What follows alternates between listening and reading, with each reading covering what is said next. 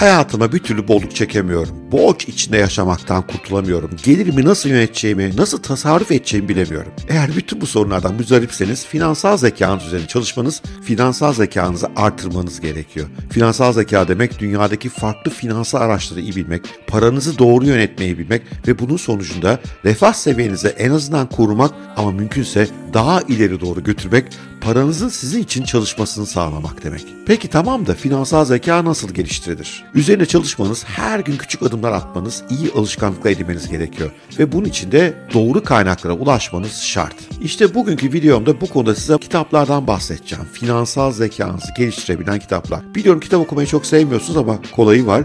Benim yeni bir kanalım var. Kitap özetleri çıkarttım. Yeni başladık da şu anda iki kitap var orada özetlemiş olduğum. Ama gidin ona üye olun. Bugün bahsettiğim bütün kitapların daha uzun özetlerini oraya da ekliyor olacağım. Ama en güzeli ne olursa olsun okuyor olmak. Çünkü kitapların o detaylı kapsamı insanı bambaşka yerlere götürebiliyor. Kitapları size nasıl sırayla anlatacağım? Valla en iyisini en sona bırakarak anlatacağım. 7, 6, 5, 4, 3, 2, 1 hepsi çok iyi bence. Hepsini okuması lazım. Ama en sondaki en iyisi sıralamayı buna göre düşündüm. Umarım videonun sonuna kadar bana katlanabilirsiniz. Hazırsanız başlıyoruz.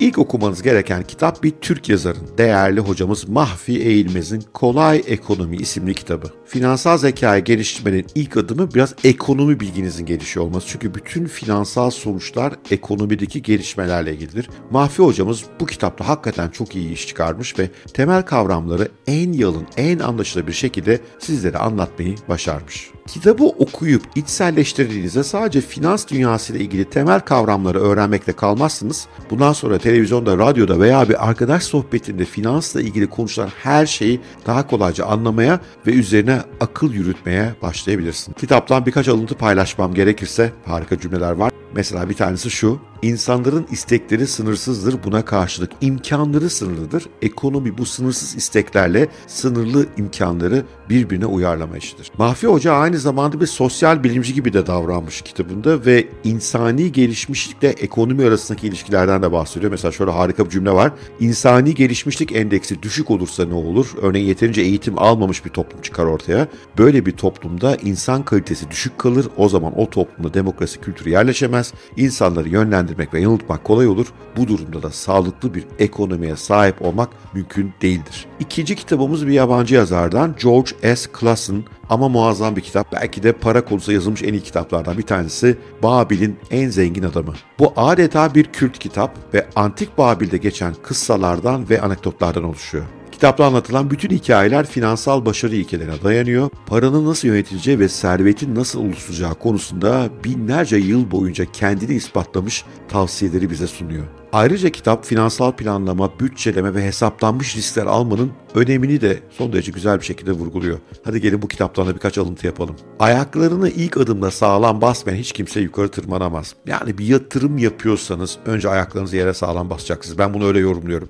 Neye yatırım yaptığınızı bileceksiniz. Kimsenin gazına gelmeyeceksiniz. İnceleyeceksiniz, araştıracaksınız. Yıllar boyu balıkların her rüzgar değişikliğindeki davranışlarını bilen, ağını ona göre atan bir balıkçıya şanslı mı derdiniz? Bayıldım buna. Nasıl iyi balıkçılar balıkların bir sonraki davranışı tahmin edip ağlarını oraya atıyorsa bizler de piyasanın nereye gideceği, finansal göstergelerin nereye ilerleyeceği konusunda doğru tahminler yapıp doğru pozisyonları almalıyız. Bu da piyasaları yakından takip etmeyi zorunlu kılıyor. Hızla gelen zenginlik aynı şekilde elden kayıp gider. Bu benim de başıma geldi. 2020-2021'de inanılmaz kolay para kazandık borsalardan. Geçen sene bunu büyük bir bölümünü verdik. O kolay kazanılan kolay da gidiyor. Niye? Çünkü insan kazanırken sanıyor ki bu dünyanın imparatoru benim, en doğru kararları ben verdim. Oysa aslında piyasalar sizi biraz zengin edebiliyor. Onun farkında olmak ve o parayı kazanırken daha fazlasını kenara koymak, tutmak, kar almak çok önemli. İşte burada da bununla ilgili bir vurgu var. Zenginlik de bir ağaç gibi küçük bir tohumdan büyüyor. Buna da bayıldım.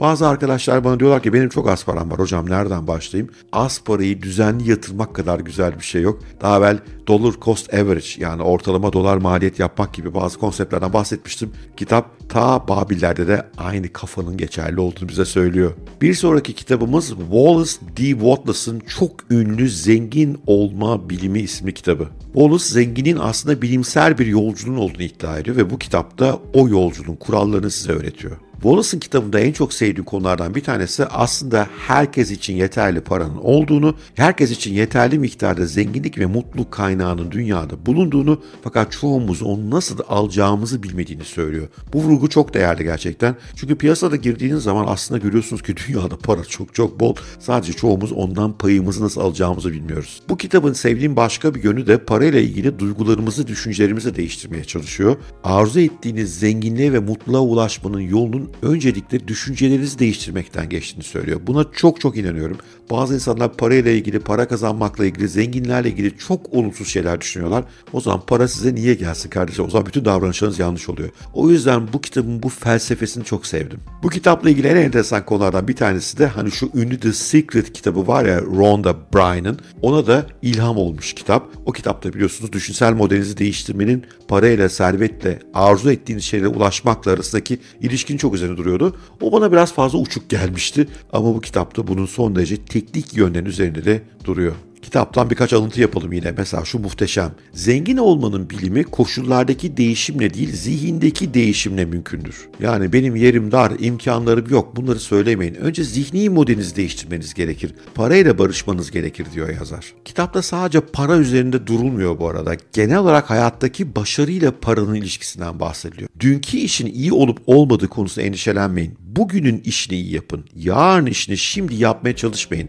Bugünün işini iyi yaparsanız yarın işini yapmak için çok zamanınız olacak. Bu odaklanmanın, elimizdeki işi düzgün yapmanın öneminden bahsediyor burada yazar ve bunu yaparsanız daha çok para kazanacağınız da kesin. Şimdi tavsiye edeceğim kitap aslında parayla ilgili belki en klasikleşmiş kitaplardan bir tanesi. Zengin Baba, Yoksul Baba yazar Robert Kiyosaki. Kiyosaki diyor ki insanların birçoğunun benimsediği başarı kriterleri onların zenginliğe ve servete ulaşmasını engelliyor. İşte kitap bu yanlış başarı kriterlerini yıkmanızı söylüyor size. Nedir mesela klasik kriterler? İşte çok iyi bir okula gitmeliyim, çok iyi bir şirkette kariyere başlatmalıyım. Bütün bunlardan kurtulun diyor. Çünkü para kazanan insanlar bunun peşinde değiller. Para kazanan insanların zihinleri farklı çalışıyor. Kiyosaki'nin kitabı tüm zamanların en iyi kişisel finans kitaplarından bir tanesi olarak kabul görüyor. Yoksul baba Kiyosaki'nin biyolojik babasıdır. Son derece zeki, çok iyi eğitimli birisidir. Çok iyi çalışmıştır, çok iyi notlar almıştır. Ardından çok iyi maaşlı bir işe girmiştir. Yine de görünüşte olumlu olan bütün bu niteliklere rağmen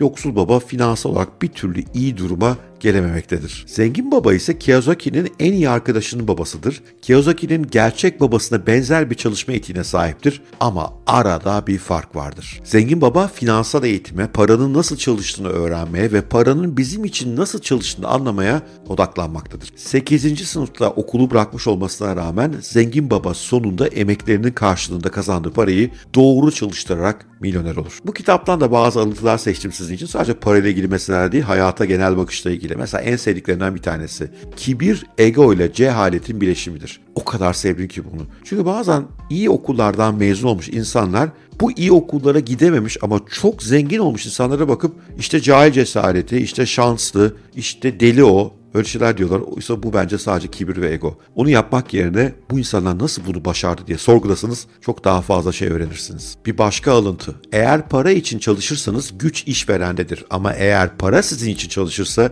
gücü elinizde ve denetim altında tutarsınız. Süper değil mi? Para sizin için çalışsın. Siz para için değil. Bir başka alıntı burada da okul sistemini biraz eleştiriyor. Zengin babamızın okullar işveren yerine iyi işçiler yetiştirmek üzere tasarlandı demesinin nedenini görüyorduk. Hakikaten de öyle. Maalesef eğitim sistemi harika girişimcileri, kendine güvenen, dünyayı değiştirebilecek insanları yetiştirmeye değil, büyük şirketlere çalışan yetiştirmeye daha fazla odaklı. Bu yüzden bunlardan kurtulmanız lazım. Buradan yanlış anlamayın. Kötü bir eğitim alın. Kesinlikle söylemiyorum. İyi eğitim faydalı. Ama o eğitimle öğrendiklerinizi gidip bir yerlerde çalışmak için değil, hem kendi girişiminizi kurmak, işinizi kurmak hem de paranızı çok iyi yönetmek için kullanmalısınız. Eğitimin temelde yarayacağı şeylerden bir tanesinin bu olması gerekiyor. Şimdi önereceğim kitap bir Türk yazarın Atilla Köksal'ın parasal konularda yaptığımız hatalar. Bu kitabın bende özel bir yeri de var. Benim geçen sene Haddini Aş isimli kitabım bir ödül aldı. Türkiye'nin en çok ilham veren iş kitabı diye. Ve bu ödül töreninde Atilla Bey de oradaydı. Atilla Bey'in bu kitabı da ödül aldı. O da finans alanında.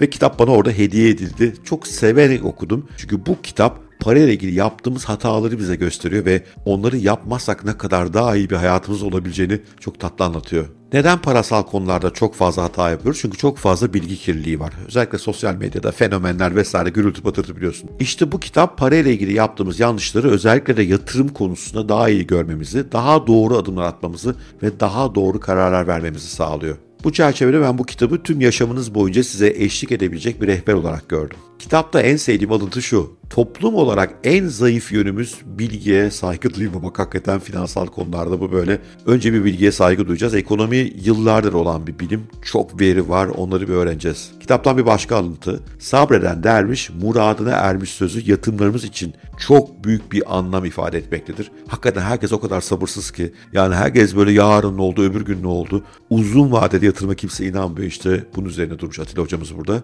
Bir tane çok sevdiğim var. Bir mit. Borsa kötüdür, dolar ve altın çok kazandırır. Gerçekten yalandır. Dolar dolardır, dolardan para kazanılmaz. Belki sizin erimenizi biraz azaltabilir. Altına bir bakın son 10 yıldır ne getirmiş? Hiçbir şey getirmemiş. En iyi para kazanma yeri bana kalırsa hala borsadır. Atilla hocamla burada hemfikiriz. Yatırımcılıktan insanlar çok korkuyorlar. Bunun sebebi de hata yapmaktan korkuyorlar. Atilla hocamız buna çok güzel değinmiş. Diyor ki hatadan kaçınmanın tek yolu yatırım yapmamaktır. Ancak bu da en büyük hatadır. Çünkü o hatalardan öğrene öğrene gidip sonunda gerçekten bütün bu borsalardan, piyasalardan para kazanmanın yollarını keşfedebiliriz. Bir sonraki kitabım bir dahinin kitabı Benjamin Graham Akıllı Yatırımcı isimli kitabı. Herkesin okuması şart olan kitaplardan özellikle hisse senedi yatırım yapmayı düşünüyorsanız çünkü çok temel meseleleri çok kuvvetli şekilde anlatıyor.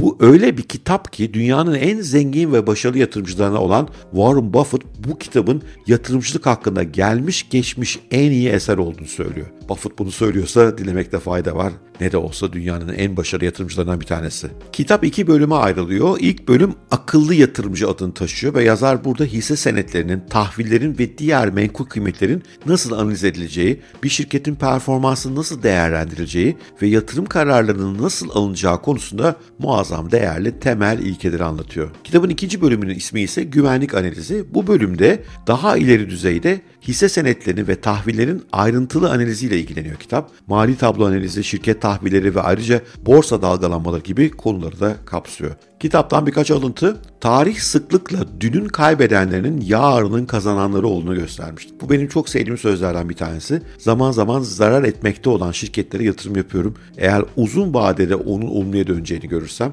ve pek çok zaman insanlar beni bu konularda eleştiriyorlar. Sonunda kimin haklı çıktığını tarih bize gösteriyor. O yüzden diyor ki Graham tarih sıklıkla dünün kaybedenlerinin yarının kazananları olduğunu göstermiştir. Bir diğer önemli alıntı. Bir yatırım ne kadar heyecan verici görünürse görünsün asla değerinden fazla ödeme yapmayın. İşte FOMO dediğimiz şey oluyor ya zaman zaman ay yükseliyor biz de girelim çünkü kafamızda onun değerinin ne olması gerektiği konusunda fikir yok. İnsanlar heyecanlanacaklarına olmadık kararlar vereceklerini analiz yapmaları bence daha değerli. Ve yatırımcılık böyle dahillerin işi falan değil. Yani Twitter'da falan millet bir övünüyor şöyle yaptım böyle yaptım değil. Bakın çok hoş söylüyor. Yaşamımız süresince başarılı yatırım yapmak için olağanüstü bir zeka, alışılmamış bir iş anlayışı ya da ilk elden edinilen bilgilere ihtiyaç yoktur. Karar vermek için tüm gereken sağlam bir düşünsel yapı ile bu yapının duygular tarafından yıpratılmasını önleyecek bir yetenektir. Duygu çok önemli. Biraz sonra zaten en çok sevdiğim kitaba geleceğim. Kitabın adı da Paranın Psikolojisi. Çünkü duyguların yönetimi yatırımcılıkta belki de teknik konulardan bile daha değerli hale gelebiliyor.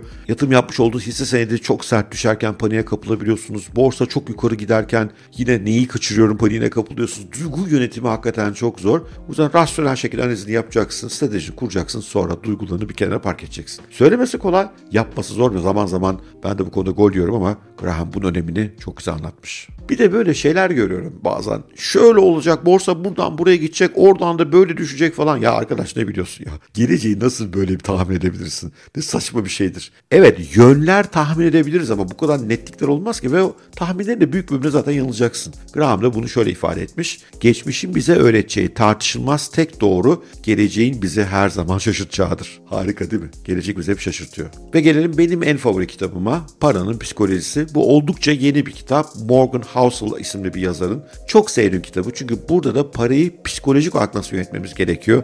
İnsanların duygusal düştüğü tuzaklar neler? Bu konuda muazzam ipuçları var. Ve bunlar çok önemli çünkü finansla ilgili her şeyi, tüm teknik bilgileri bilseniz de zor zamanlarda ayakta kalabilmeniz, doğru kararlar verebilmeniz için finansın ve yatırımın duygusal ve psikolojik yönlerini bilmeniz çok çok önemli. Morgan Housel'in yazdığı bu kitap finansal kararlarımızı etkileyen psikolojik ön yargıları anlamanın yatırımın teknik yönlerini anlamak kadar önemli olduğunu anlatıyor. Sonra da bu konuda çok tatlı ipuçları veriyor. Kitabın her bir bölümünde para psikolojisinin farklı bir yönü ele alınıyor. Finansal başarıda şansın rolü, finansal okuryazarlığın önemi, aşırı kendine güvenmenin tehlikeleri, sosyal etkilerin finansal kararlarımız üzerindeki etkisi gibi konular inci gibi işleniyor ve kitabın en çok sevdiğim şeyi bunlar harika, çok çarpıcı gerçek hayat örnekleriyle anlatılıyor. Bir şeyin gerçek olmasını ne kadar çok isterseniz o şeyin gerçek olma olasılığını abartan bir hikayeye inanma olasılığınız o denli artar. Yani bazen öyle oluyor. Bence bu coin kesin yükselecek. Bence bu hisse kesin yükselecek. Bence ekonomi kesin çökecek. Onu o kadar inanıyoruz ki